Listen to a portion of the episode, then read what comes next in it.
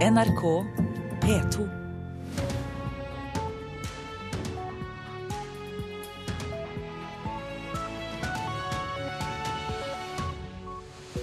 Nå er det Nyhetsmorgen du hører på. Onsdag 4. mars 6.30 er dette hovedsaker. Norwegian leier inn fly for å gjennomføre noen av flygningene ut i Europa, melder TV 2. Streiken trappes opp, rammer 35 000 passasjerer i Skandinavia. Hodepine kan tolkes som et symptom på vold og overgrep. Helsepersonell må spørre hvordan barn har det, sier forsker Synne Stensland. Det viktigste er at vi over hele fjøla blir observant på at dette er faktisk ting som hender med barn og ungdom.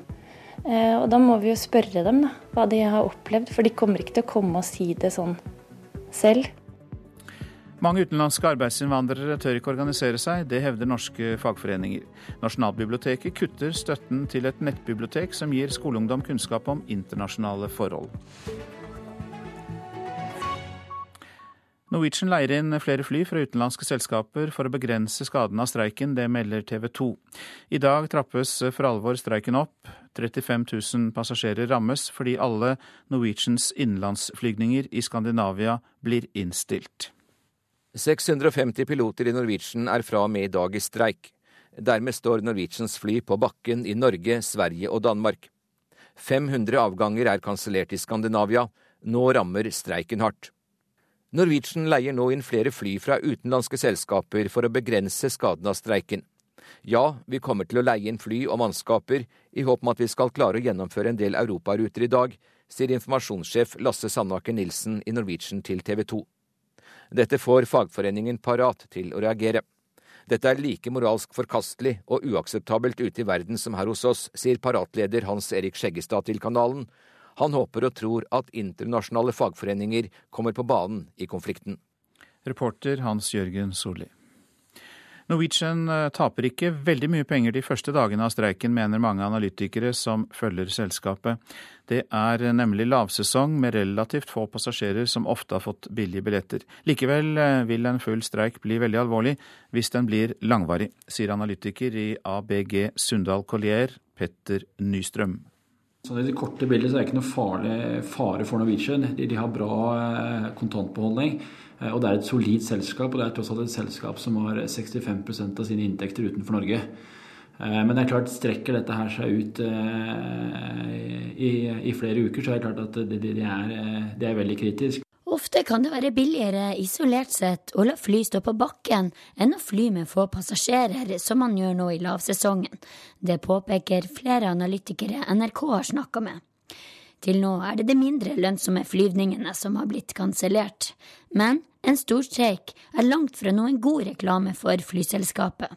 Dersom mange passasjerer velger andre flyselskap, blir det mange tapere, påpeker flyanalytiker Petter Nystrøm Konsekvensen for selskapet eh, og også for pilotene er ganske alvorlig hvis dette her fortsetter å bli en fastlåst eh, stilling. Bare siden slutten av forrige uke, da det ble kjent at ledelsen og pilotene var på kollisjonskurs, har aksjeverdien falt med 800 millioner kroner. I denne konflikten her så er det egentlig bare tapere. Reporter her var Linda Reinholdsen. Som vi nå har hørt, konflikten trappes kraftig opp fra i dag. Norwegian innstiller alle innenriksflygninger i Norge, Sverige og Danmark. 35 000 flypassasjerer rammes. Reporter Eva Marie Bulai, hvordan er det på Oslo lufthavn der du er? Jo, her så uh, står jeg midt blant 50-60 stoler som er satt ut for de uh, kundene som kommer og ikke kommer seg videre. Jeg fikk beskjed her fra det ekstra mannskapet som står og veileder kunder om at i natt har det sittet en del eh, flypassasjerer her. Nå er de blitt sendt hjem, de har fått hotellovernatting eller blitt tatt hånd om. Men eh, stolene er altså ikke tatt bort, så det kan se ut som selskapet regner med at det kan bli bruk for dem eh, senere i dag. Det er, som jeg nevnte, en tre-fire ekstra mannskaper som står og veileder kunder som kommer og stiller spørsmål. De står her i Norwegian refleksvester og tar seg av dem som kommer og lurer på ting. Men mange har jo fått med seg den beskjeden om at alle innenriksflygninger i Norge, Sverige og Danmark er innstilt, også mellom de skandinaviske hovedstedene. Vet du noe om hvilket råd eh, disse veilederne gir til de passasjerene som ikke får reist med dem i dag?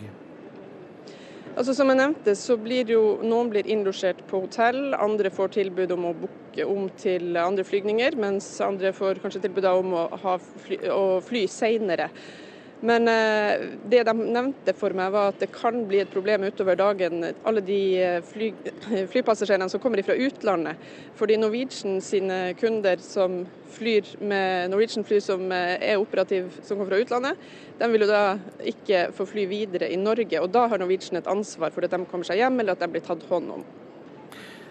Vet du noe mer om den siste utviklingen i konflikten mellom Norwegian og flygerne?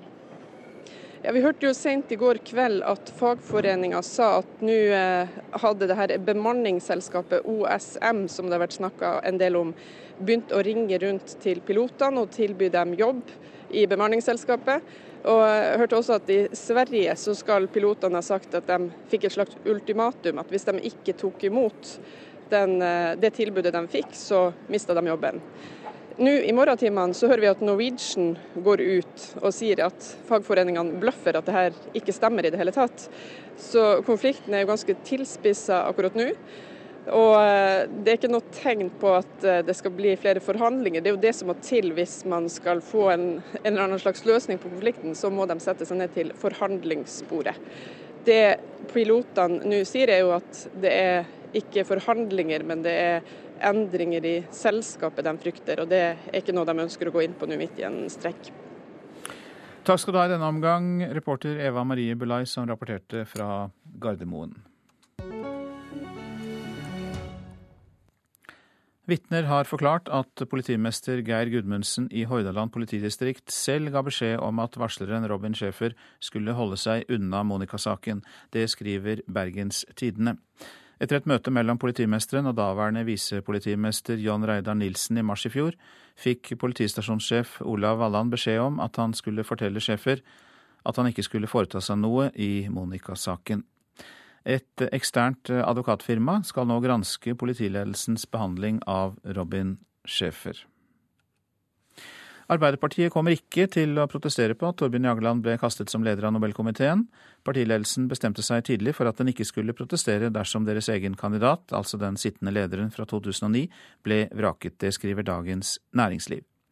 Arbeiderpartiets holdning er at Nobelkomiteen konstituerer seg selv. Det, komiteen, det er, har komiteen også gjort under sitt møte denne gang, sier Arbeiderpartileder Jonas Gahr Støre til avisen. Mange utenlandske arbeidsinnvandrere tør ikke organisere seg, det hevder norske fagforeninger. På byggeplassene er mange leid inn for kortere oppdrag, og er redd de ikke skal få flere jobber. I flere byer er godt under halvparten av de polske på byggeplassene organisert. Hvor mange av de polske som sitter her, er organisert? Det er lunsj på arbeidsbrakken ved Flesland. Arbeiderne her bygger bl.a. bybanetrasé. Mennene er fra mange ulike land. De polske er i flertall og sitter ved to store bord. Anja Sokolowska er polsk og jobber for Unionen fagforening.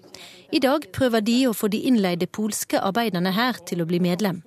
Det er viktig å organisere seg. Det er den eneste måten vi kan eventuelt hjelpe dem på. Det sier organisasjonsombudet i Unionen fagforening, Frode Skagen. Arbeidere fra en rekke land jobber i dag på norske byggeplasser. Om lag 55 000 er polakker, ifølge Byggenæringens Landsforening. Men godt under halvparten av de østeuropeiske arbeiderne i bergensområdet er fagorganisert. De er uh, redd for å uh, organisere seg. De er ikke sikkert at fra neste mandag de skal ha oppdrag. Det er deres argumenter. NRK har vært i kontakt med fagforeningene i Oslo, Stavanger og Trondheim. Også der opplever de at de østeuropeiske arbeiderne er redde for å organisere seg. Vi ønsker jo at arbeidstakere skal være organisert. Det sier administrerende direktør i Byggenæringens Landsforening, Jon Sandnes. De har om lag 4200 medlemsbedrifter. Han er bekymret over det fagforeningene forteller. Ja, jeg syns det er trist, og det er urovekkende. Vi trenger et organisert arbeidsliv. Det er eh, den beste garantien vi har for å sørge for et seriøst arbeidsliv. På brakken i Bergen ønsket ingen av de polske å organisere seg i dag. På det norske bordet liker de det dårlig. De er redd for jobben sin. Men eh, det ødelegger for oss andre, som er organisert og står sammen. Vi blir ofte sett på så vanskelig fordi vi stiller krav. Til slutt eh, hørte vi Glenn Føreland. Ingen av de polske arbeiderne ønsket å snakke med NRKs reporter, som var Siri Løken. Nå til det avisen er opptatt av i dag.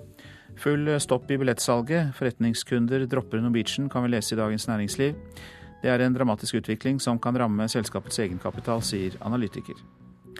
Bjørn Kjos har råd til en storstreik, det er oppslaget i Finansavisen. Analytikeren Dan Togo Jensen i den danske handelsbanken tror det er viktig for Norwegian å ta en konflikt med pilotene for å holde kostnadene i sjakk. Piloter vil tøyle flybransjen, kan vi lese i Dagsavisen. Norsk Cockpitforbund advarer mot lavprisfestens bakside, med arbeidskonflikter, utflagging og kreativ organisering av bedriftene. De vil ha mer regulering av flybransjen. Torbjørn Jagland ble advart om mulig vraking, er oppslaget i Aftenposten. Ledelsen i Arbeiderpartiet minnet Jagland om risikoen for å bli vraket som leder av Nobelkomiteen, før han sa ja til en ny periode. Men Jagland gjorde klart at han uansett ville stille. Ikke mobb lillebror, sier Kari Jagland Berntsen til VG. Storesøsteren til Torbjørn Jagland tar et oppgjør med det hun mener har vært en langvarig mobbing av broren. Begeret rant over da en politisk rådgiver for regjeringen kalte Jagland en klovn i en twittermelding som seinere ble fjernet. Pendlere fra hele landet danner nå en felles allianse, får vi vite i Nasjonen. De jobbreisende skal få mer slagkraft når 18 lokale pendlerforeninger slår seg sammen. Det forteller initiativtaker Jan Riddervold, som har pendlet i 25 år fra Lillehammer til Oslo. Nordmenn drar til Kurdistan for å kjempe mot den islamske staten, er oppslaget i Vårt Land. Det skal være ti norskkurdere som kjemper mot IS i Nord-Irak og Syria. Og de mener at de gjennom den kampen kan øke sjansene for å etablere et selvstendig Kurdistan. Klar beskjed fra kommunene om at de må kutte Erna Solbergs hjertesaker, skriver Klassekampen. Skattesvikt kan føre til færre lærervikarer og kutt i rusomsorg og psykisk helsevern. Voksende trøndersk filmproduksjon kan vi lese om i Adresseavisen. 'Kvinner i for store herreskjorter' er den første profesjonelle spillefilmen som er spilt inn hovedsakelig i Trøndelag. Og det er på høy tid, mener et samlet filmcrew som mottok stående applaus på premieren i Trondheim i går. Nesten halvparten av uh, ungdommer som har hodepine en gang i uka eller mer, har fortalt om uh, mobbing, vold eller overgrep. Det viser en studie fra Norsk kunnskapssenter for vold og traumatisk stress. Vi har møtt uh, Ina, som har migrene tre ganger i måneden. Oi. Da tror jeg jeg er rundt fire år, og jeg likte veldig godt å tulle meg. Hun har henta fram albumet med briller av forstørrelsesglass lager ei lita jente kaningrimase. Det var linselus, mildt sagt. Fram til i dag har denne tida før skolestart prega store deler av livet til 25-åringen. Jeg reagerer på lukter eller lyder. Eller tonefall. Det er som et våkent mareritt. I perioder med mye minner om overgrep får ofte Ina migrene og hodepine. Det er hun dessverre ikke alene om, viser ny forskning lege Synne Stensland har gjort etter hun hadde mye ungdom med hodepine på legekontoret. Vi prøvde å gjøre så godt vi kunne. Vi spurte dem, og vi tok prøver og undersøkte. Men uh, vi fulgte medisinske retningslinjer, og så kom vi likevel ikke i mål med behandling. Vi fikk liksom ikke ordentlig tak i hva dette handlet om, eller hva, hva som kanskje hadde hendt i livene deres. Og så begynte jeg å bli nysgjerrig på om det var noe vi ikke fikk tak i, som var veldig viktig. da. Etter å ha forska på ungdommer som har hodepine minst én gang i uka, fant du ut at nesten halvparten hadde opplevd vold, overgrep eller mobbing. Helsepersonell må begynne å spørre ungdommen om hvordan de har det, mener hun. Det viktigste er at man da at vi over hele fjøla blir observant på at dette er faktisk ting som hender med barn og ungdom. Eh, og da må vi jo spørre dem da, hva de har opplevd, for de kommer ikke til å komme og si det sånn selv. Og i hvert fall ikke hvis vi er skeptiske. Ina sier hun ønsker å fortelle om de vonde minnene av én årsak. Med alt det negative jeg har opplevd, så tenker jeg at det er viktig å kunne hjelpe andre. Reportere her Marit Gjelland og Runa Victoria Engen. Nå til kampfiksing i fotball. Sju personer står tiltalt for grov korrupsjon og grovt bedrageri. Aktor mener en av de tiltalte framsto som lite troverdig i retten i går. Nei, det var en uheldig karakteristikk, sier spillerens forsvarer. Det aktor Asbjørg Lykken reagerte, Lykken reagerte på, var at fotballspilleren forklarte noe annet i retten enn det han hadde gjort til politiet. Det blir en, en logisk brist i det hele, og det, det fremstår som lite troverdig, hele forklaringen. Den tidligere Follo-spilleren er en av sju tiltalte i den såkalte kampfiksingssaken. Han er tiltalt for å ha vært med på å tape en kamp med vilje mot betaling. I politiavhør innrømmer han at han ble tilbudt penger, men i retten i går forklarte han at det bare var tull. Aktor Lykkjen er ikke overrasket. Det hender jo i, i, mange saker det at eh, tiltalte begynner å endre forklaring. og I hvert fall hvis man har erkjent delvis faktiske omstendigheter, så forsøker man å, nedtone eller, eller, bagatellisere det på en eller annen måte. Men, men um, når man både har hatt god tid til å tenke seg om før man går i et avhør, og man har med seg en forsvarer og man leser igjennom og skriver under, så, så fremstår ikke dette helt uh, greit i ettertid. Fotballspillerens forsvarer Kjetil Magnus Berg liker ikke at aktor kaller hans klient for lite troverdig. Jeg syns det er litt, litt, uheldig at aktor etter første dag i retten karakteriserer han som lite troverdig. Det, jeg syns nå skal man ha forklaringer, skal for seg. Og så får aktor eh, si hva hun mener om saken når vi har prosedyrene våre på slutten av saken. I dag fortsetter rettssaken med forklaringene til de tiltalte. Reporter Anne Rognerud. Klokka har passert 6.46. Dette er hovedsaker. Norwegian leier inn fly for å gjennomføre noen av flygningene ut i Europa, melder TV 2. Streiken trappes opp og rammer 35 000 passasjerer i Skandinavia. Hodepine kan være et symptom på vold og overgrep. Helsepersonell må spørre hvordan barn har det. Det sa forsker Synne Stensland i Norsk kunnskapssenter for vold og traumatisk stress. Og vi skal høre at Kåre Willoch vil verne jord. I USA er det avdekket etnisk diskriminering i både politietaten og i deler av rettssystemet i Ferguson i Missouri. Det konkluderer Justisdepartementet i en ny rapport. En svart tenåringsgutt ble i august i fjor skutt og drept av politiet i byen, og drapet vakte sterke reaksjoner med opptøyer og protester over hele USA. Og vi får mer om denne saken etter klokka sju. USAs militære mener at det er rundt 12 000 russiske soldater i Ukraina som støtter de prorussiske separatistene. De russiske styrkene består av rådgivere, våpenoperatører og kampstyrker, ifølge sjefen for USAs styrker i Europa, Ben Hodges. I tillegg er det rundt 50 000 soldater oppmarsjert på russisk side av grensen mot Ukraina, som kan gripe inn hvis de ukrainske regjeringsstyrkene vinner fram, ifølge Hodges. Russland har gjentatte ganger avvist påstander om at de leder separatistopprøret øst i Ukraina. Jord som kan brukes til matproduksjon, må ikke forsvinne under betong og asfalt. Ja, det mener tidligere statsminister Kåre Willoch. Han er urolig over at verdifull matjord forsvinner bit for bit. Høyre-nestoren åpner for en avgift som gjør det dyrere å legge beslag på dyrket mark. Hvis vi ser litt lenger frem enn nesen rekker, så må vi jo se at det er risiko for global matmangel. Pga. en voldsom befolkningsvekst og klimaforandringer. Og Da er det usolidarisk av oss å bygge på dyrket eller dyrkbart land, når vi har så veldig meget annet land å bygge på. Den tidligere statsministeren for Høyre er glødende opptatt av å bevare matjorda. I dette skogkledte og fjellrike landet er kun 3% av landarealet dyrket mark. Willoch har denne oppfordringen til dagens myndigheter. Vær så snill å se ut av vinduet neste gang du kommer med fly til Oslo. Så vil du jo se at det er masse plass, og det er helt kunstige, unødvendige grenser og begrensninger som fører til at man allikevel bygger på den bitte lille delen av dette arealet som er dyrkbar. Sammenlagt i Norge i 2013 ble 5620 mål omdisponert fra landbruksjord til utbyggingsformål.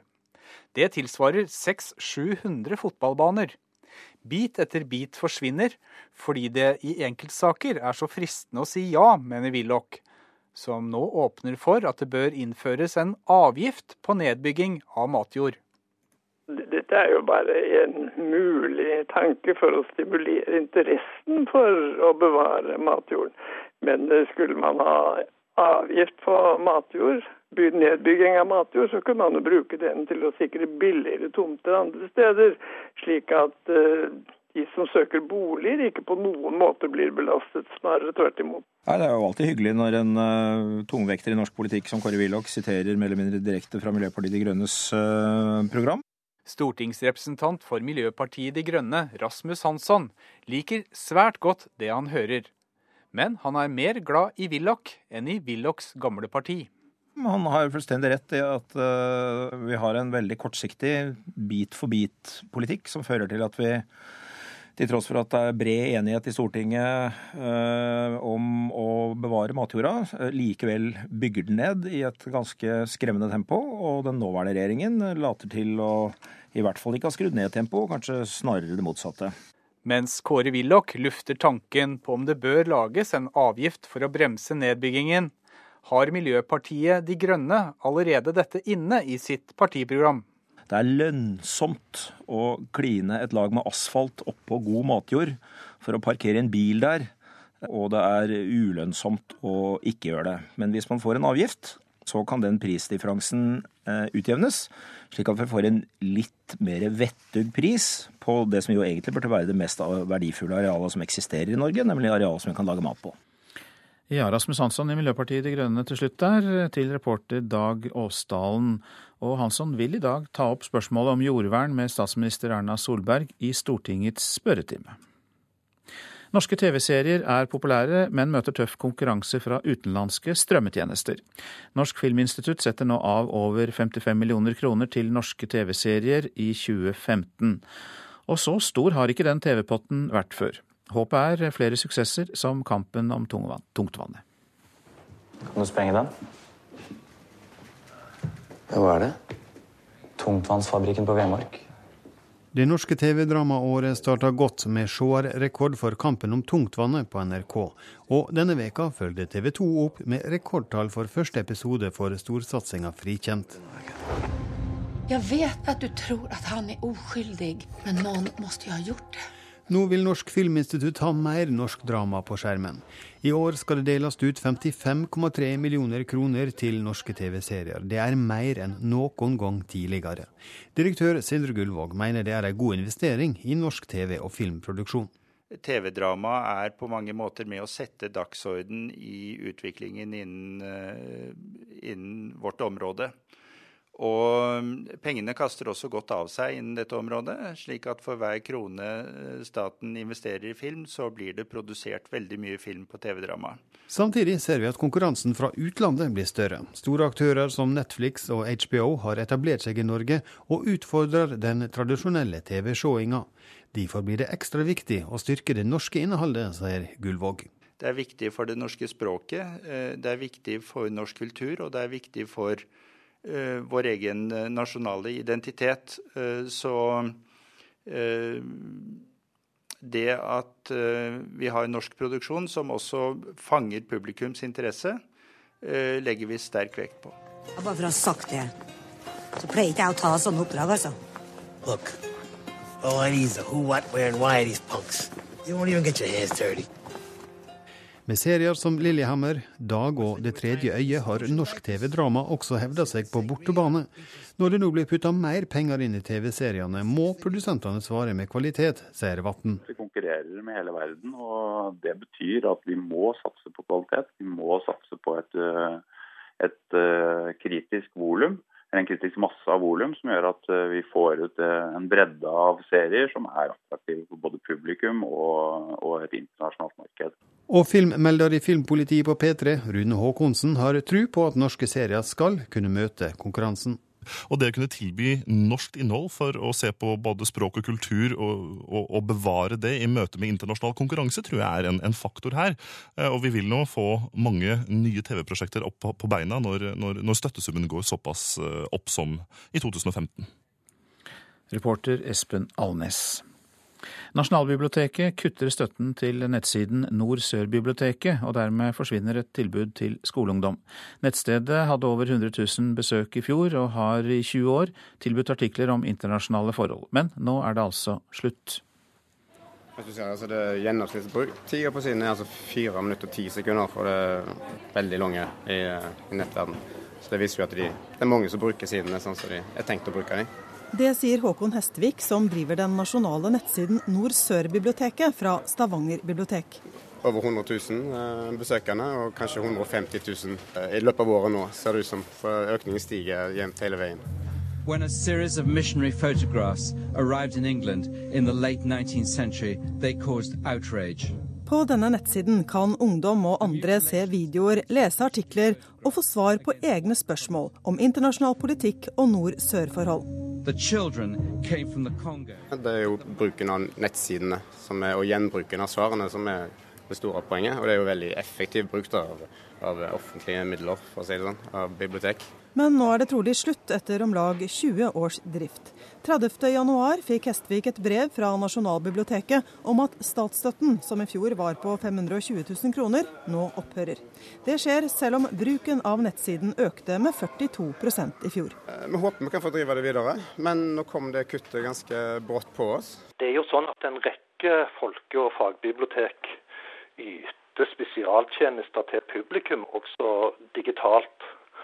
Og det er ikke vår oppgave å, å gi støtte til, til, alle disse tjenestene.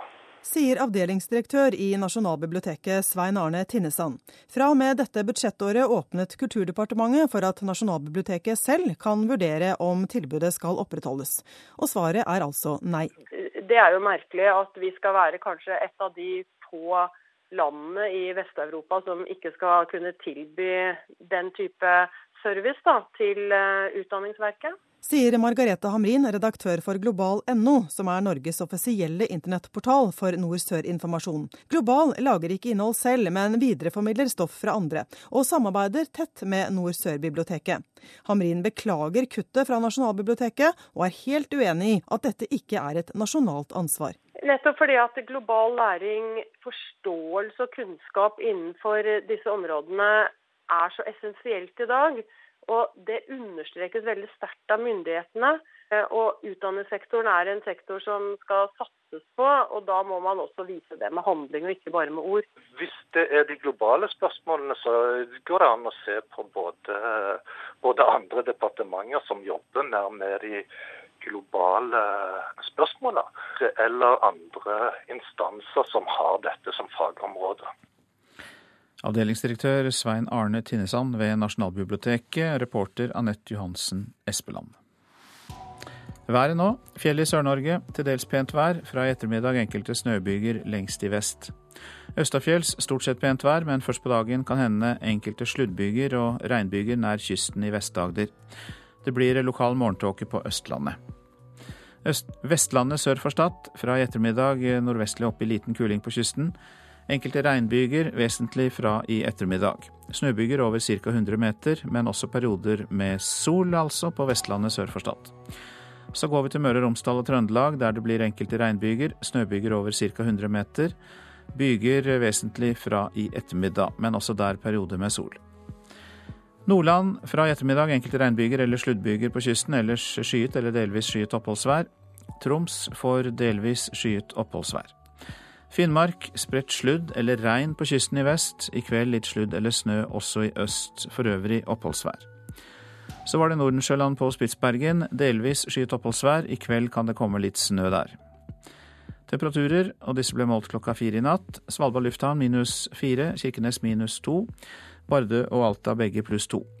Tromsø-Langnes null, Bodø minus én. Brønnøysund null, Trondheim-Værnes minus to. Molde 0, Bergen-Flesland pluss 1.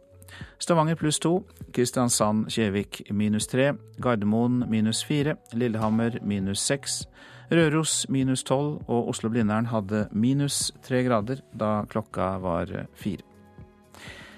Nå når vi sier farvel til våre lyttere i P1 pluss, så fortsetter vi altså i P2 og Alltid nyheter. Først nå med Dagsnytt, og deretter overtar Nyhetsmorgen med en fyldig dekning av konflikten i Norwegian.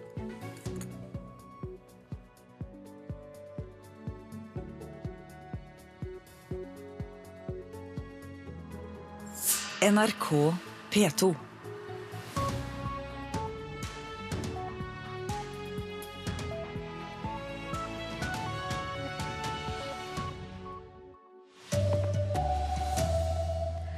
Alle Norwegians innenriksflygninger i Skandinavia er innstilt. Flystreiken trappes opp i dag. Unio oppfordrer til ikke å bruke Norwegian under streiken. Her er NRK Dagsnytt klokka sju. I dag trappes konflikten i Norwegian kraftig opp. 650 flygere er tatt ut i streik, og 800 kabinansatte blir permittert. Norwegian innstiller alle innenriksflygninger i Norge, Sverige og Danmark i dag, og 35 000 flypassasjerer blir rammet. Og Norwegian leier inn flere fly fra utenlandske selskaper for å begrense skadene av streiken.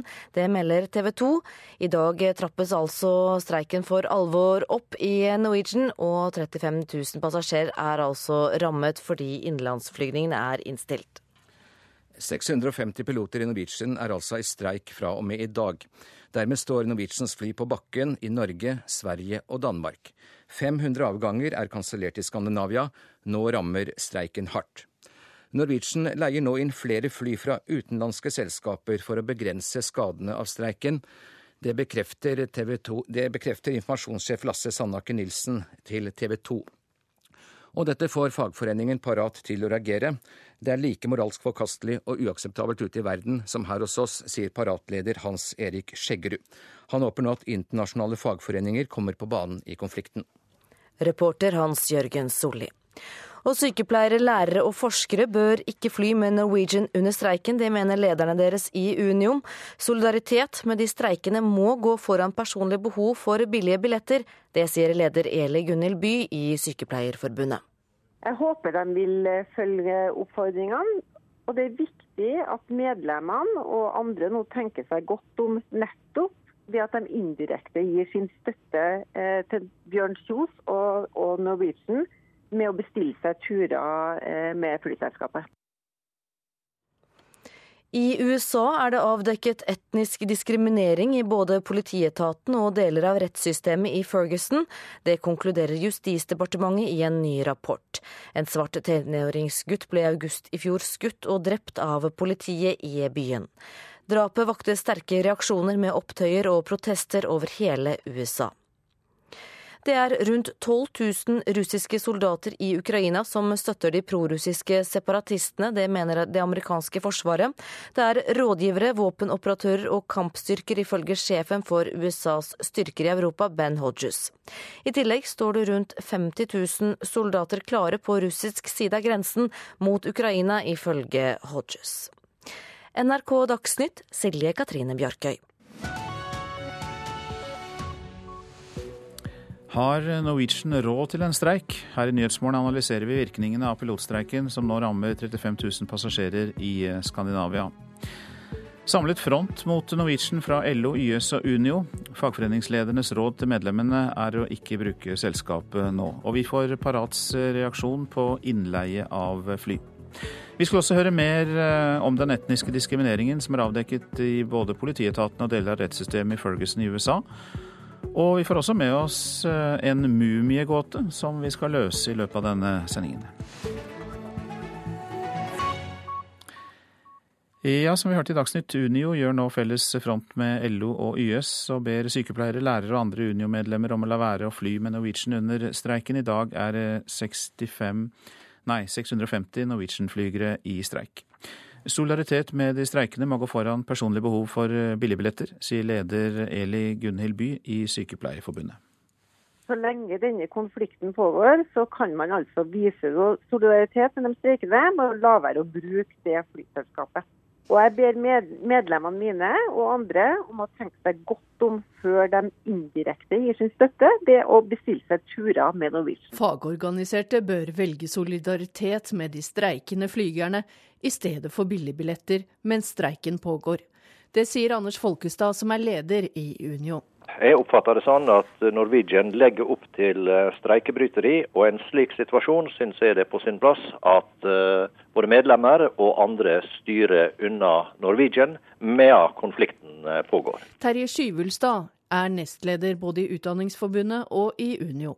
Han vil heller ikke fly Norwegian under streiken. Ja. Så lenge det er streik, så oppfordrer vi våre medlemmer til å vise støtte til de streikende ved å ikke kjøpe reiser med Norwegian. Så gjenstår det å se om lærere, sykepleiere, forskere og andre profesjoner velger å følge oppfordringen fra forbundet når de er kunder. Når Norwegian eh, nå flyr inn flyvere utenfra, så er det direkte streikebryteri. Så Derfor så er det helt avgjørende at vi nå støtter opp eh, om de streikende i Norwegian. Det sier Eli Gunhild By, som leder Sykepleierforbundet. I dag, når samtlige av Norwegians piloter går i streik, vil det være å medvirke til streikebryteri å fly med selskapet.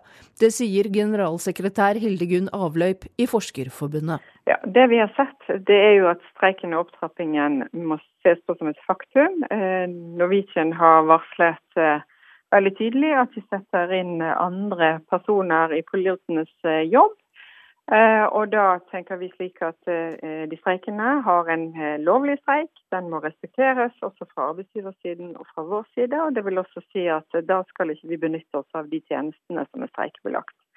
Og Det har vi gått ut og oppfordret våre medlemmer og tillitsvalgte til å forholde seg til så lenge streiken varer. Reporter Hedvig Bjørgum. I dag eh, er det altså 35 000 passasjerer som eh, rammes i eh, Skandinavia av denne streiken. Eva Marie Bulai, du er vår reporter på Gardermoen. Hvordan ser det ut på Oslo lufthavn der du er nå? kommer det stadig flere frustrerte passasjerer. Jeg snakka med en som ikke ville la seg intervjue. Han opplever bare at flyet til Spania er forsinka, men det gjør at hele opplegget hans der går i vasken, forteller han. Han hadde kjøpt seg billett hos SAS, men får ikke refundert Norwegian-billetten fordi det bare er forsinkelser. Så snakka også med et ektepar her som eh, var på vei til Evenskjær nå. De kom fra Thailand i går kveld, var tre timer forsinka og mista da flyet sitt hjem i går. Har blitt innlosjert på hotell i natt, og i dag får de da vite at alle innenriksflygninger er kansellerte. De vurderte nå når jeg snakka med dem å kjøpe billett hos SAS. Så det er passasjerer her med ulike problemer. Det er noen som får eh, dekt nye billetter. Det var en svenske her som var veldig fornøyd. Han eh, hadde fått dekt ny billett hos SAS, eller mellomlegget, da. Fordi at eh, hans, billett, hans tur var innstilt. Det var en innenriksflygning i Norge. Og så er det vel rådgivere fra Norwegian som går rundt blant passasjerene. Hva sier de, dem, sier de til dem? Hvilke råd får de?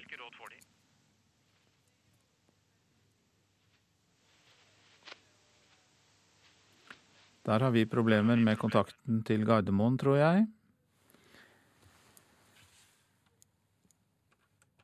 Da eh, fortsetter vi med eh, det som ble meldt fra TV 2, at Norwegian leier inn flere fly fra utenlandske selskaper for å begrense skadene av streiken.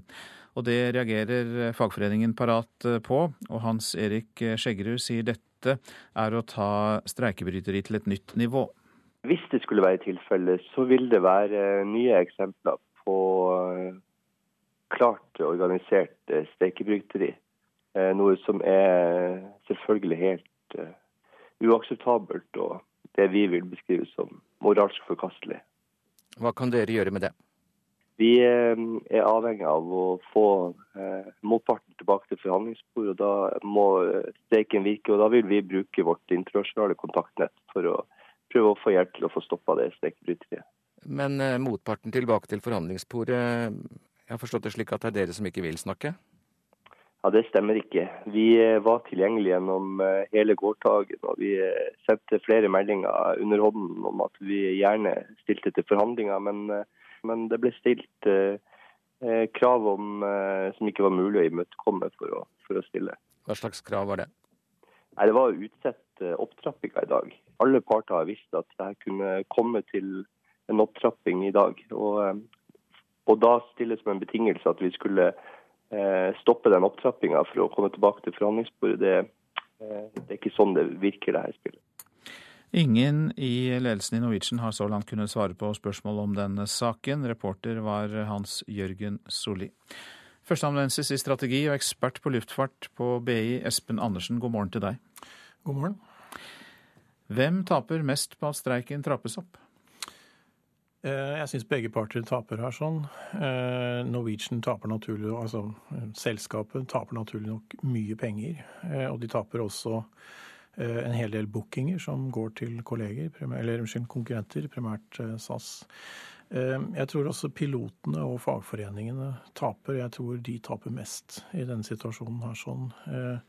Pilotene og fagforeningene går her ut med et, et solidaritetskrav. Og ber Altså, de bruker på en måte en retorikk som er forbeholdt folk i lavtlønnsyrker.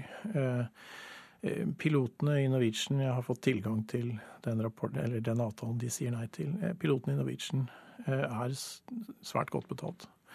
De er bedre betalt enn leger og sykepleiere, som har lengre utdannelser, ubekvem arbeidstid og minst like stort ansvar for liv og død. De har noen av de høyeste lønningene i Europa. Men pilotene sier at dette i for seg ikke dreier seg om lønn, det dreier seg vel mer om hva slags selskap Norwegian skal være, fordi de ønsker å være knyttet opp til morselskapet og ikke bli håndtert av et datterselskap som de er redd skal kunne skalte og valte mer med dem enn morselskapet. Ja, problemet for pilotene er at eh, Norwegian vokser ikke lenger i Norge. Eh, de vokser i, eh, ute i Europa og, og på langdistanse, der det er satsingen er. Norwegian har svært høye ambisjoner. De har 200 fly i bestilling. Det er en kjempeinvestering. Hvert fly koster 750 millioner kroner. Og når veksten skjer ute, så er det også der karrieremulighetene er. Og så ønsker fagforeningene både å ha en medbestemmelse i hvor veksten skjer, og i hvem det er som skal besette de stillingene som skjer der ute. Selv om de for så vidt skjer til internasjonale betingelser. Hvordan kan du si at de vil ha en medbestemmelse i hvor veksten skjer? Ja, dette her er en tradisjon innenfor fagforeninger i, i, innen luftfart i Norge. Ehm, eh, at de har for, altså, for, å si det, sette det litt på spissen, så eh, ønsker eh, ledelsen å fly dit hvor kundene er. Eh, mens fagforeningene i en hel del sammenhenger ønsker at det skal flys der det passer personalet. Det beste eksempelet på det er den danske fagforeningen i SAS. Jeg har blitt fortalt at da SAS opprettet et, en direkteflyvning fra Stavanger til Houston, altså denne oljeruten, så var fagforeningen i København på banen og mente at den burde gå fra København, fordi SAS tradisjonelt har hatt sine lange utenlandsruter derfra. Men eh, så koker det da kanskje ned til spørsmålet nå når det trappes opp, hvorvidt Norwegian har råd til en langvarig streik. Fordi utgiftene løper jo, men inntektene kommer ikke. Ja, Det der er et ganske komplisert spørsmål. Eh, det var en analytiker som påpekte at når man først setter flyene på bakken og permitterer de ansatte, så er ikke kostnadene så høye i et flyselskap. De beløper seg stort sett til renteutgifter og ja, lønn til de som faktisk jobber. Um, og, og, det er for så vidt riktig. Det ble også påpekt at Norwegian kan gjøre sånne ting som å selge fly. De har en veldig attraktiv og ung flåte, uh, og det er venteliste på en del av disse flyene. Men denne attraktive, altså den nye flyflåten de har, med lave drifts- og vedlikeholdsutgifter, er også arvesølvet og konkurransefortrinnet deres. Slik at uh, man, nå, da, da, havner du fort i en situasjon hvor du mister muskler og ikke fett. Eh, og ja, det er lite fett igjen, for å si det, både i Norwegian og i denne bransjen i det hele tatt. Men det, min konklusjon da ut fra å høre på deg, er at de ikke har råd til en langvarig streik? Det er ingen av partene her som har råd til en langvarig streik. Eh, jeg, jeg syns ledelsen har vært altfor steil og altfor vanskelig. Og jeg syns fagforeningen drømmer seg bort hvis vi tror vi kan eksportere den lille, hyggelige modellen vi har her oppe i dette lille, rare landet langt mot nord, eh, når man skal ut i verden. Det, det går rett og slett ikke. Mange takk skal du ha, Espen Andersen, førsteamanuensis i strategi og ekspert på luftfart på BI. Takk for at du kom. Dette er eh, Nyhetsmorgen, og dette er eh, hovedsak i dag, kan vi vel si. At eh, Norwegian leier inn fly for å gjennomføre noen av flygningene ut i Europa. Det er TV 2 som melder det. Streiken trappes opp og rammer da innenriksflygningene i Skandinavia og 35 000 passasjerer. Og vi skal etter hvert høre om avdekning av etnisk diskriminering i politietaten i Ferguson i delstaten Missouri i USA. For det er nemlig konklusjonene i Justisdepartementets eh, nye rapport. En svart tenåringsgutt ble jo, som vi husker, i august i fjor skutt og drept av politiet i byen. Og det vakte sterke reaksjoner med opptøyer og protester.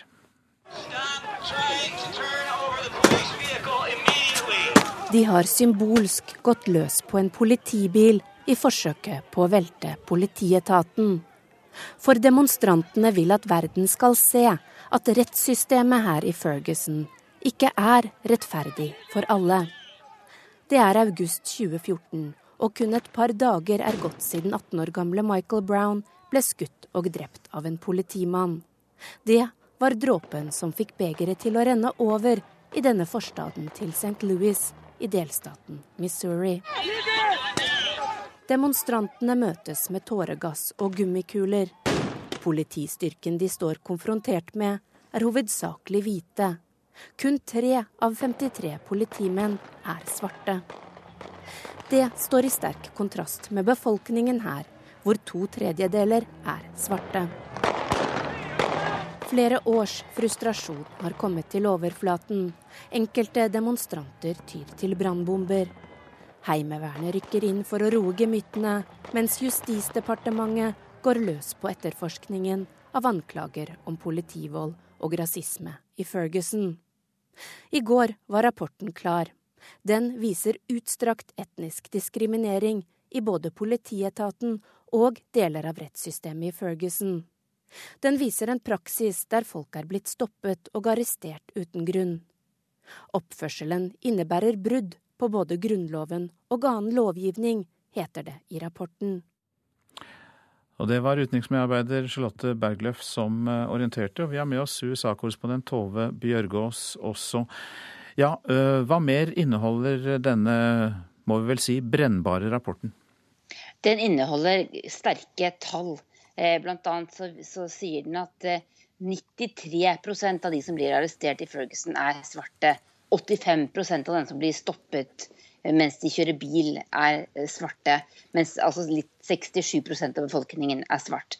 Så, så, at det er en utstrakt diskriminering. Og den avdekker til og med at, at politihunder har i 15 tilfeller, selv rapporten, bitt eh, mennesker som er blitt tatt av politiet. Og det er all, alle dem som er blitt bitt av politihunder, er svarte. Det er det som skjer ute i gatene. Men rapporten avdekker også rasistiske e-poster. Ja, eh, det er en litt kuriøst kuriøs kanskje eh, side ved det hele. Men, men det er altså gjengitt flere e-poster som er sendt mellom politifolk i Ferguson og folk som jobber i, i rettsvesenet. Bl.a. en e-post der det stod, står at fleipete at president Obama blir vel ikke sittende så lenge eh, som president, for ingen svart mann har vel fast jobb i mer enn fire år, står det i en e-post. Eh, det kan man kanskje trekke på smilebåndet av, men ikke så veldig morsomt for dem som har demonstrert i gatene i Ferguson og kjenner denne rasismen på kroppen. Det er eh, vel kommet reaksjoner allerede på eh, denne rapporten. Du var jo selv i Ferguson under opptøyene i august og følte jo på at stemningen var halsk der. Ja, det, det, er, det, er, en slags lettelse i Ferguson, tror jeg, når, denne rapporten nå legges fram i dag. Fordi politimannen som skjøt 18 år gamle Michael Brown, han ble jo ikke straffet på noen måte. Men denne rapporten viser på en måte at demonstrantene hadde rett i sine argumenter om diskriminering. Og nå håper de at det kommer til å bli endringer i måten politiet er organisert på i, i, i Ferguson. Så du selv noen tegn til den etniske diskrimineringen? Ja, det, det, vi først og fremst så som dekket dette som journalister, var jo den voldsomme overreaksjonen fra politiet på at eh, et par hundre ungdommer eh, demonstrerte i stor grad eh, fredelig, og at de satte inn tanks og, og, enorme politistyrker eh, som fikk situasjonen til å eskalere. Men historiene som jeg hørte fra veldig, veldig mange unge svarte menn spesielt, de, de stemmer også med det som står i rapporten, hvor folk fortalte meg at de hadde blitt lagt i bakken på vei hjem fra skolen midt på dagen bare fordi de gikk, ikke gikk helt på siden av veien, at du kan bli stoppet i bilen din og og blitt lagt, lagt på panseret eh, uten grunn. At dette er vanlig, at mange har opplevd. Mange takk skal du ha, USA-korrespondent Tove Bjørgaas. Nå til Israel, for der ble talen statsminister Benjamin Netanyahu ga i den amerikanske kongressen i går, fulgt nøye. Mens noen hyller statsministeren for å gi det de mener er en viktig melding til det amerikanske folket, er andre mer skeptiske. På en liten fortauskafé i Tel Aviv står TV-en på. En håndfull personer sitter ved bordene og ser på at en engasjert Benjamin Netanyahu taler i den amerikanske kongressen. Mark Amsaleg, som bor i Tel Aviv, er blant dem som liker det han hører. Mens TV-bildene viser den israelske statsministeren høste stående applaus etter talen, sier han at han syntes talen var flott. Jeg støtter statsministeren på hans reise til USA, og det er en veldig viktig melding han gir til det amerikanske folk. Jeg håper den rette beslutningen vil bli tatt for å forhindre at Iran får atomvåpen, sier han. Men ikke alle er enige, og på den lille kafeen er reaksjonen blandede. Karni Masali, en kvinne fra Tel Aviv, tror at talen kan skade forholdet til Israels viktigste allierte. Jeg tror at talen ikke hjelper forholdet mellom Obama og Israel. Det kan bare gjøre skade. Jeg hadde foretrukket at han ikke ga talen og bare ble i Israel, sier hun. Reporter her, Kristin Solberg. Vi har også med oss Midtøsten-korrespondent Sigurd Falkenberg Mikkelsen. Ja, vi hørte jo om noen reaksjoner i Israel på det Netanyahu sa i Kongressen. Og eh, det var jo også en tale som eh, ikke var varslet eh, i Det hvite hus. Det var på en måte uten velsignelse fra Barack Obama. Hva mener man i Israel om den saken? Det er eh, blandet. Eh, det eh, slår ganske godt inn hos Netanyahus velgermasse på høyresiden. Det at han reiser på denne måten og taler både Obama og deler av verden midt imot. Ellers utsettes han for mye kritikk eh, i uh, israelsk presse særlig. Og det er også mange uh, tidligere folk fra sikkerhetsestablishmentet i Israel som mener Netanyahu med dette ødelegger det strategisk ekstremt viktige forholdet til USA. Men for israelere flest så er den talen Netanyahu holdt i går, kjente toner. Dette budskapet har han framført i årevis, om enn i helt andre omstendigheter. Er det kommet noen synspunkter på hvordan talen vil slå ut i valgkampen? Det er det store spørsmålet her. Eh, fordi eh, valgkampen for, eh, for, israelerne går nå inn i en avgjørende fase. Det er to uker igjen til de skal velge et nytt parlament. Og hans hovedutfordrer, Isak Herzog på, fra det israelske Arbeiderpartiet, sa at det var en god tale, men at det endrer ingenting at Israel fortsatt står alene i dette spørsmålet. Det kommer de til å gjøre når talen er ferdig også. Eh, det viktigste her er nok ikke hva som foregår mellom Herzog og Netanyahu, men hva som foregår internt på høyresiden. Eh, for Netanyahu kjemper for å bli størst, slik at han får oppdrag om å danne en ny regjering. og Da er det viktig for han at han ikke lekker for mange stemmer til andre høyrepartier. Eh, det gjelder da særlig partiet til Naftali Bennett. Så Han kjemper nå for at han og Likud skal bli det største partiet både på høyresiden, men også i parlamentet. Er det relasjonen til palestinerne som er det viktigste temaet i valgkampen, eller er det også andre ting som er viktige for velgerne? Nei, Det temaet har vært uh, svært lite uh, framme i valgkampen. Arbeiderpartiet og Livni, denne sionistunionen, har jo det som en del av sitt program. men de har ikke lykkes i noen særlig grad med å få det fram. De har heller ikke lykkes med å løfte fram sosiale spørsmål, som de er sterke på. og det er sikkerhetsproblematikken som foreløpig dominerer. Og høyresiden har ført en ganske drøy valgkamp. Og den talen er jo et en del av dette bildet. For det gjør at uh, man fortsetter å fokusere på sikkerhet, og ikke tar inn over seg mange av de andre viktige spørsmålene i det israelske samfunnet. Så har det også dreid seg mye da, om korrupsjonsanklager mot uh, Netanyahu og kona Sara, uten at det ser ut til å ha slått veldig sterkt inn på meningsmålingene. Mange takk skal du ha, Midtøsten-korrespondent Sigurd Falkenberg Mikkelsen. Så til avisene. Der står det mye om Norwegian, men det har vi allerede vært innom, så la oss se på et par av de andre sakene. Torbjørn Jagland ble advart om mulig vraking, er oppslaget i Aftenposten. Ledelsen i Arbeiderpartiet minnet Jagland om risikoen for å bli vraket som leder av Nobelkomiteen, før han sa ja til en ny periode, men Jagland gjorde det klart at han uansett ville stille. Ikke mobb lillebror, sier Kari Jagland Berntsen på VGs forside. Storesøsteren til Torbjørn Agland tar et oppgjør med det hun mener har vært en langvarig mobbing av broren. Begeret rant over da en politisk rådgiver for regjeringen kalte Jagland en klovn i en twittermelding, som seinere ble fjernet. Pendlere fra hele landet danner nå en felles allianse, får vi vite i Nasjonen. De jobbreisende skal få mer slagkraft når 18 lokale pendlerforeninger slår seg sammen. Det forteller initiativtaker Jan Riddervold, som har pendlet i 25 år fra Lillehammer til Oslo. Nordmenn drar til Kurdistan for å kjempe mot den islamske staten, er oppslaget i Vårt Land. Det skal være ti norskkurdere som kjemper mot IS i Nord-Irak og Syria. De mener at de gjennom den kampen kan øke sjansene for å etablere et selvstendig Kurdistan. Politimester Geir Gudmundsen ga Monica-varsleren munnkurv. Dette har sentrale politivitner forklart, skriver Bergens Tidende. Samme dag som etterforsker Robin Schæfer ved Hordaland politidistrikt fikk beskjed om å holde seg unna Monica-saken, var varsleren tema på et møte med politimester Geir Gudmundsen. Og kilder på politihuset har forklart til Spesialenheten for politisaker at beskjeden om at han skulle holde seg borte fra Monica-saken, kom fra politimesteren. Nå skal vi høre at flere tusen år gamle mumier har samlet støv på et lager i Oslo i 80 år.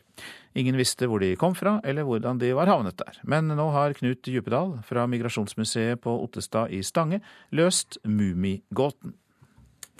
I Norge tror jeg ikke det fins maken. Sier Knut Djupedal. For et år siden kom direktøren på Migrasjonsmuseet på Ottestad i Stange over en artikkel om utvandreren Gunnar Nergård, Nordmannen hadde bosatt seg i Chile, funnet indianske mumier og sendt dem til Etnografisk museum i Norge. Og De sa at de hadde ting som Nærgård hadde sendt. De hadde en liste over dette, der, men de hadde ikke mumiene på disse, den listen. Djupedal leter videre etter mer stoff. Og Da fant vi et fotografi som han hadde tatt i 1930 av mumiene. Men mumiene er fortsatt borte. Han får tips om å kontakte Schreiner-samlingen på Universitetet i Oslo. Samlinga inneholder 7500 skjeletter. Etter iherdig detektivjakt finner Djupedal de fire mumiene blant de andre skjelettene. Han er sikker på at det er de samme som ble sendt fra Chile. Eh, hvis du sammenligner de to bildene, så vil du se at det er en av de som sitter, har nøyaktig samme sittestilling i begge bildene. Dessuten, hvis du virkelig ser nøye på det, så vil du se at det er et beinbrudd på et sted som er likt på begge to. Og så ser du også en flik av hud som stikker ned eh, på nøyaktig samme måten i begge bildene. Hmm. Og Derfor så er det at jeg mener at dette her er de samme mumiene. Eh, vi har jo aldri visst eh, riktig hvor de kommer fra. Sier professor i anatomi Per Holk ved Universitetet i Oslo. Det var litt overraskende. Og de er eh, gamle. Den eldste er 2500 år, og den yngste er ca. 500-600 år gammel. Han sier de gamle indianerlevningene er unike. Ja, det er nokså unikt, da. For vi har jo ikke noe tradisjon for sånt materiale hos oss i det hele tatt nokså enestående. I Norge tror jeg ikke det fins maken. Nå ønsker Knut Djupedal at mumiene skal undersøkes for å finne ut mer om alder, kjønn og eventuelt hvem personene kan ha vært. Chinchoro-kulturen mumifiserte alle samfunnslag, så dette her kan være en mann, det kan være kvinner, barn. Altså, vi vet ikke. Det må eventuelt en skikkelig undersøkelse til. Det ser ut som eh, den ene her sitter nærmest og ser på deg. Den ene, som du sier, sitter der og myser på deg litt. Grann. Ikke se på meg, jeg, vil, jeg prøver å få deg hjem igjen. Hvordan føles det å ha rett og slett løst Mummigåten? Veldig bra. Veldig bra. Nå er spørsmålet hva som skal skje videre med mumiene om de fortsatt skal være her i landet, eller om de skal sendes tilbake til Chile. Altså Min personlige mening er at de bør uh, skannes, fotograferes og undersøkes. Deretter mener jeg at de bør sendes tilbake til Chile, uh, der de kom ifra.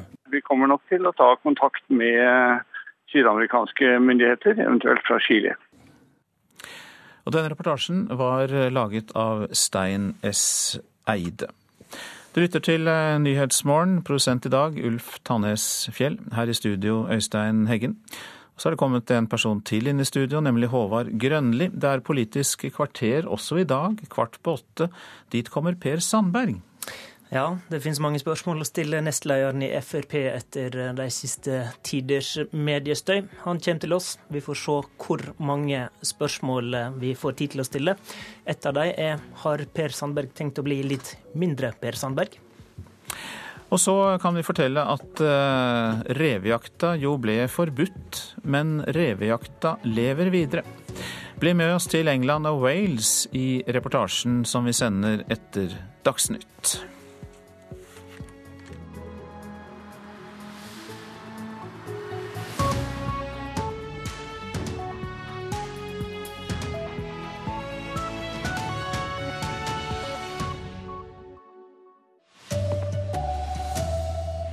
Streiken i Norwegian trappes opp. 35 000 passasjerer blir rammet.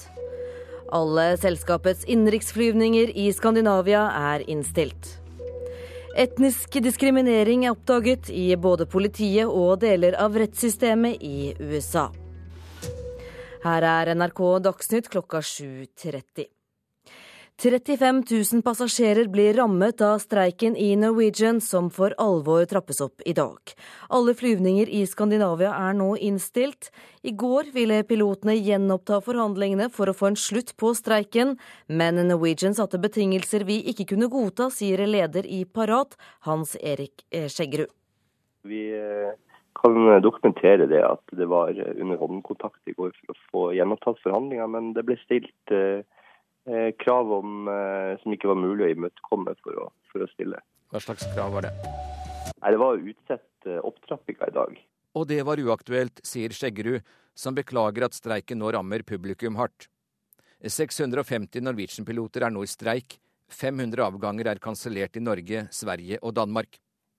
Samtidig melder TV 2 at Norwegian nå vil leie inn fly fra utenlandske selskaper for å begrense skaden av streiken. Informasjonssjef i Norwegian, Lasse Sandaker Nilsen, bekrefter overfor kanalen at disse flyene etter planen skal settes inn på selskapets europaruter. Paratlederen reagerer sterkt på disse opplysningene. Eh, hvis det skulle være tilfellet, så vil det være nye eksempler på eh, klart organisert steikebryteri. Noe som er selvfølgelig helt uakseptabelt, og det vi vil beskrive som moralsk forkastelig. Det alle skal vite, er at vi er, vi er innstilt og klar på å forhandle videre der eh, de brøyt ned natt til lørdag. Eh, og Da må vi uunngåelig sette oss ned sammen med arbeidsgiver og se på løsninger. og Alle skal vite at vi er veldig klar for det. Men kan dere fire på noe?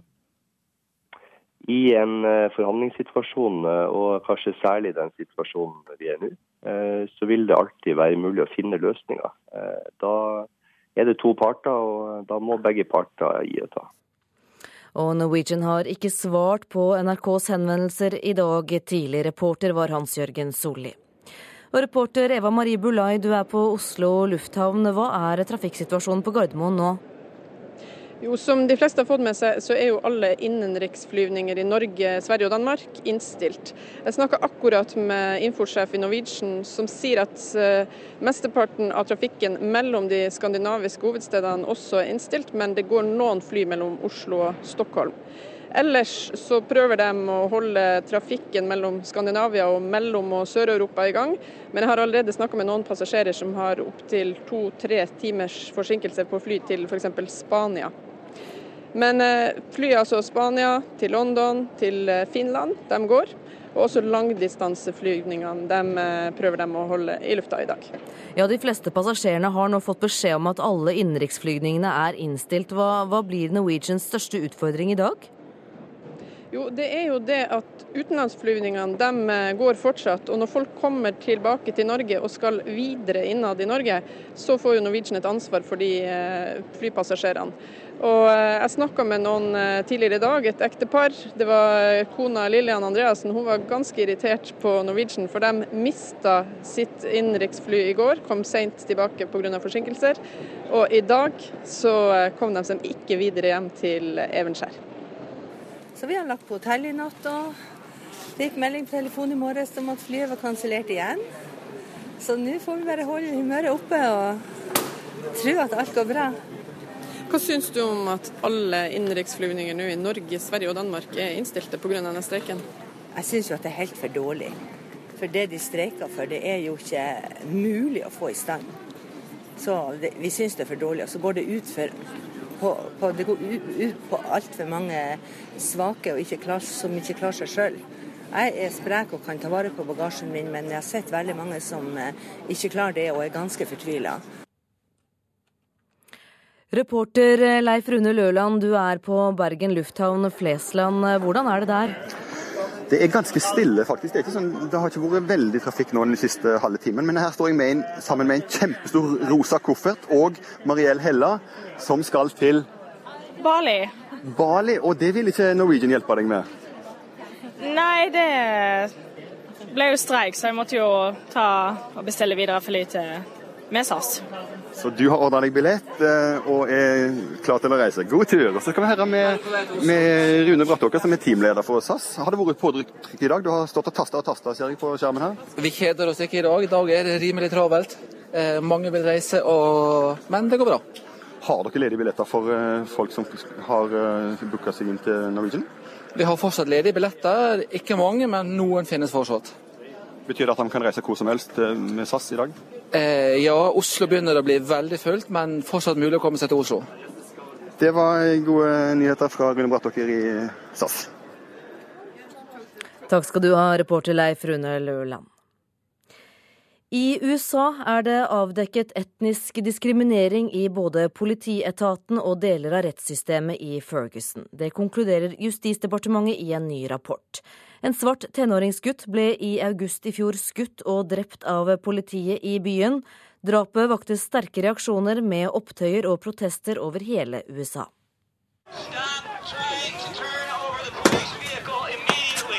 De har symbolsk gått løs på en politibil i forsøket på å velte politietaten. For demonstrantene vil at verden skal se at rettssystemet her i Ferguson ikke er rettferdig for alle. Det er august 2014, og kun et par dager er gått siden 18 år gamle Michael Brown ble skutt og drept av en politimann. Det var dråpen som fikk begeret til å renne over i denne forstaden til St. Louis i delstaten Missouri. Heimevernet rykker inn for å roe gemyttene, mens Justisdepartementet går løs på etterforskningen av anklager om politivold og rasisme i Ferguson. I går var rapporten klar. Den avdekker utstrakt etnisk diskriminering i både politietaten og deler av rettssystemet i Ferguson. Oppførselen innebærer brudd på både Grunnloven og annen lovgivning, er konklusjonen. Det sa utenriksmedarbeider Charlotte Bergløff. I fjor var det i overkant av eh, av 15 600 kremasjoner i Norge. Det viser ferske tall fra Den norske kirke. Kremasjonene utgjør 39% av alle gravleggelser, et tall som øker for hvert år. vi ser at det er flere og flere som velger kremasjon. Er det veldig i tida? Det er veldig i tida. Det er det. Det sier kirkeverget i Skien Jorunn Flid om livets aller siste reise. Bare i denne kommunen har antallet kremasjoner økt fra 20% i 2010 til 35% i 2014. Når man velger en kremasjon, så har man plass til seks eh, urner på ett kistegravsted. Som det er plassbesparende på kirkegården. Og familien har ikke behov for å ta ansvar for mer enn én gravplass. På landsbasis øker antallet kremasjoner jevnt og trutt hele tida, sier gravplassrådgiver Åse Skrøvseth i Den norske kirke. Vi tror nok også at den kommer til å øke videre framover. Hvorfor det? Folk bosetter seg i byer hvor det kanskje er mindre areal til gravplass. Det å velge kremasjon og undergravlegging er en mer urban gravleggingsform. Reporter Grete Ingebjørg Berge. Norske TV-serier er populære, men møter konkurranse fra utenlandske strømmetjenester. Norsk Filminstitutt setter nå av over 55 millioner kroner til norske TV-serier i 2015. Så stor har TV-potten ikke vært før. Håpet er å få flere suksesser som Kampen om tungtvannet. Hva er det? Tungtvannsfabrikken på Vemork. Kampen om tungtvannet hadde jo hver fjerde norske innbygger benket på sofaen. Direktør Sindre Gullvåg i Norsk Filminstitutt er imponert over seertallene til norske TV-serier, og nå vil de ha mer drama på norske skjermer. I år vil han bruke 55,3 millioner kroner på norske serier. Det er mer enn noen gang tidligere. Satsinga er også viktig for å møte konkurransen fra utenlandske strømmeselskap. Det at uh, vi har norsk produksjon som også fanger publikums interesse, uh, legger vi sterk vekt på. Bare for å ha sagt det. Så pleier ikke jeg å ta sånne oppdrag, altså. Lillehammer, Dag og Kampen om tungtvann er serier som også har gjort det godt i utlandet. Og styreleder Asle Vatn i Virke Produsentforeningen tror vi kommer til å få mer norsk kvalitetsdrama med den nye satsinga. Espen Alnes. Ansvarlig for denne sendingen var Anne Skårseth, teknisk ansvarlig Hanne Lunås, og mitt navn er Silje Katrine Bjarkøy.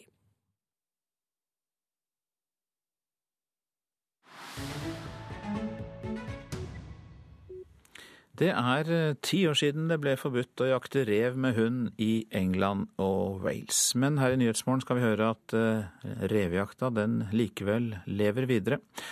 Og jaktlagene på landsbygda eh, de jakter bare på en litt annen måte. Men dyrevernorganisasjonene sier revejakta er like bestialsk som den alltid har vært, forteller reporter Anette Groth.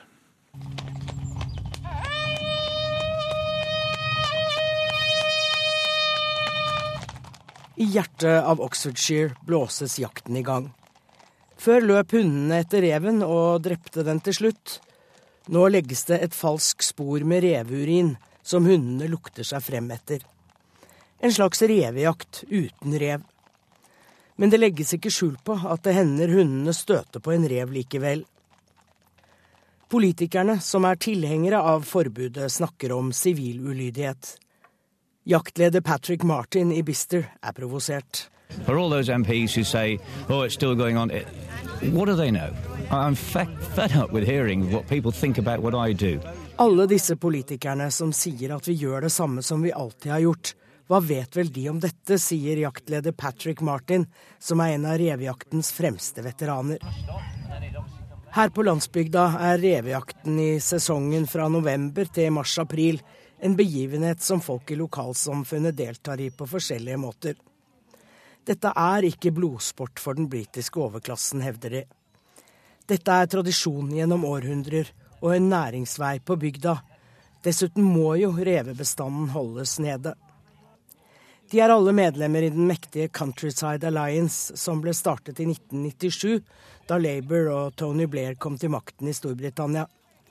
For Blair hadde lovet å forby revejakt med hund, og alliansen fikk raskt over 100 000 medlemmer.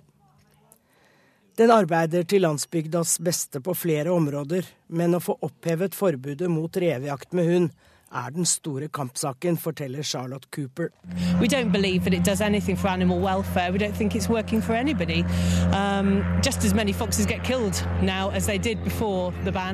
Dette har ingenting med dyrevelferd å gjøre, og det blir drept like mange rever som før, sier Charlotte Cooper, som deltar som bakkemannskap i jakten og representerer bygdealliansen The Countryside Alliance.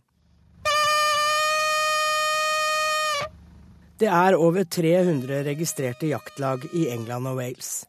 Politiet har ikke vært særlig ivrig med å passe på at jaktlagene ikke bryter loven, men det har vært rundt 30 saker i løpet av de ti årene.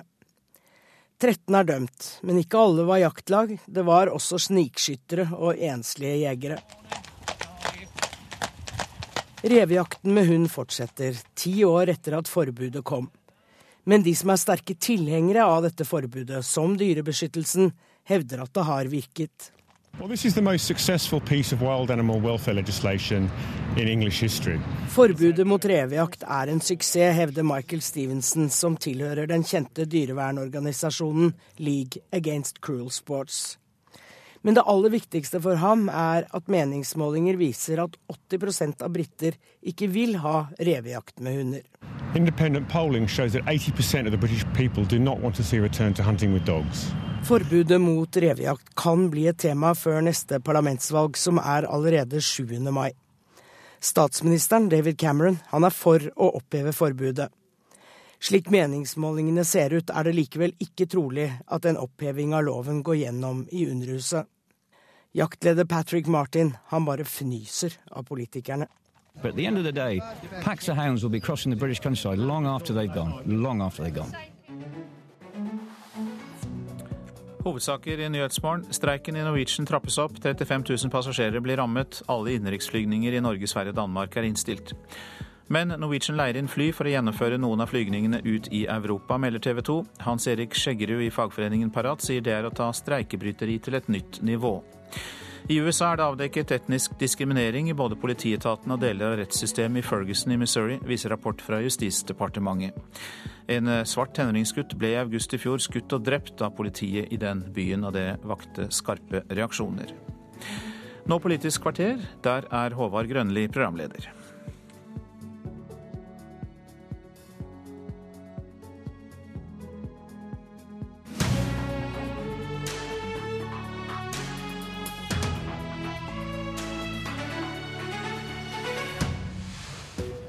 Har Per Sandberg tenkt å bli litt mindre Per Sandberg? Og kan Nobelkomiteen ha blitt mer politisert etter gårsdagen? De to spørsmåla er på ulikt vis viktige i norsk politikk. Velkommen, Per Sandberg. Takk for det. Takk for det. Nå skal du sitte på direkten her i studio det neste kvarteret. Tror du noen i regjeringa blir nervøs av det? ja, jeg ser ikke bort ifra det. Eh, det er vel alltid sånn at, eh, at når jeg opptrer i, i, i, studio eller i media eller presse, så er det noen som blir bekymra. Til og med min kone blir bekymra noen ganger. Da du sa dette famøse om at KrF har ansvar for terrorrekruttering i P2s Nyhetsmorgen 19.2, Mente du det egentlig? Nei, det jeg mente det var det at, eh, at eh, samtlige parti, og særlig de som styrte de 80 årene før vi kom inn i regjering, burde se seg tilbake og ta et ansvar for den politikken som har vært ført. Eh, og det gjelder på alle felt. Altså, Vi har arva en hel masse store utfordringer etter 80 år med rød-grønt styre. 280 000 i sykehuskø. Nå ser vi at den heldigvis går ned. Stort etterslep og mangler på infrastruktur. Vi har arva alt det der. Eh, og Da tror jeg at det er på tide vi begynner å, å utfordre Arbeiderpartiet og de andre eh, partiene som satt i regjering. Hva ønsker de nå framover i forhold til det alternativet som sitter? Men samtidig så syns jeg også det er viktig å peke på den debatten som gikk der, det var i forhold til integrering, manglende integrering og de utfordringene vi står overfor der. Der har vi arva masse etterslep. Eh, og utfordringer og problemer med også å bli bedre på integrering overfor de menneskene som kommer til Norge. Og Det bør og der, KrF ta ansvar for? Ja, Der peker jeg på at både KrF og Venstre og alle de andre partiene bør ta et ansvar for det. Og Da mener jeg det at jeg tror vi skal lære av de manglende tiltak vi har gjort, og de feil vi har gjort. Eh, og derfor, Det var det som var budskapet, budskapet mitt i denne sammenhengen.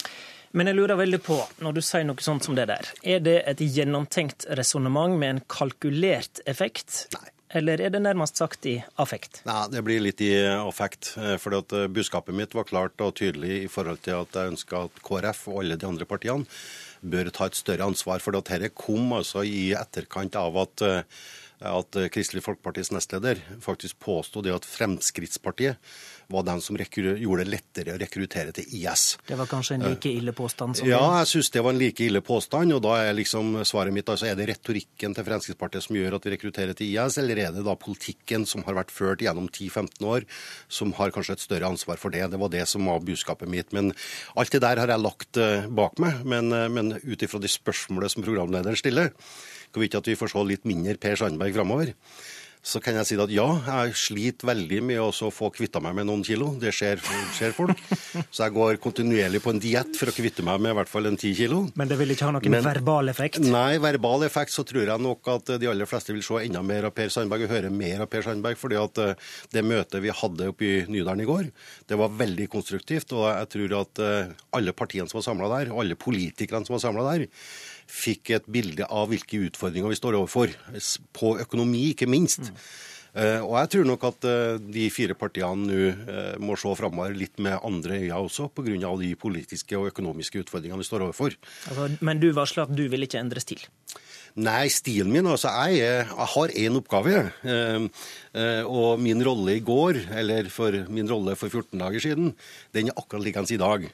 Eh, jeg er valgt av mitt landsmøte eh, og har én oppgave, og det er å fremme og kjempe gjennom mest mulig Frp-politikk. Og synliggjøre mest mulig Frp-politikk. For fortsatt så er det sånn at eh, Fremskrittspartiet sine løsninger vil være, beste, være, til det beste for, på, på samtlige områder. Men nå sitter vi da og har en regjeringserklæring. Vi har en samarbeidsavtale som er 100% lojal til. Men samtidig så stresser jeg det litt da, overfor andre, de tre andre partiene. Det finnes fortsatt et handlingsrom for at Stortinget og stortingsgruppe og stortingsgruppa til Venstre og, og, KrF og Høyre kan produsere betydelig mer politikk. Men førsteprioriteten for alle nå må jo være å utfordre det partiet som plutselig har fått 40 uten å ha sagt noen ting på ett og et halvt år. Men har du ansvar for de dårlige samarbeidsforholdene vi har sett i det siste? Jeg, i likhet med alle som i, har en samarbeidsavtale og en regjeringserklæring, har et ansvar for at vi eh, på best mulig måte samarbeider. Men så er det sånn Har du ansvar for det? Ja, jeg tar et ansvar for det også, på lik linje med mange andre bør ta et ansvar i forhold Ja, til men det. for at- ditt, ditt navn har jo nærmest blitt overskrifta på samarbeidsproblemer. Ja, ja, de siste 14 dagene så har jeg registrert det, og det lever jeg veldig godt med. Men er det sant, men, da? men det er klart at hvis vi skal, hvis vi skal lage noe svartebok eller noe bind, eller leite i arkivet over hvem som har provosert mest, så tror jeg vi kommer noenlunde likt ut der. Men det er jo det vi har blitt enige om, at nå må vi slutte med det. Så må vi begynne å produsere og presentere politikk. For det er altså sånn at denne regjeringa leverer politikk hver eneste dag. Og det er jo ingen som har kritisert meg i forhold til det at eh, jeg står last og brast med denne regjeringa, og med men- den politikken som leveres. Men skal regjeringa levere politikk, så trenger dere KrF. Har du vært uroa for om du kan bidra til at KrF ser den andre veien? Nei, det, det, må, det, må du, det må du spørre eh, KrF om. Eh, altså, Jeg har min rolle å, å, å ta vare på, og så har jeg da en rolle som sitter mellom regjeringa, Stortinget og partiet mitt.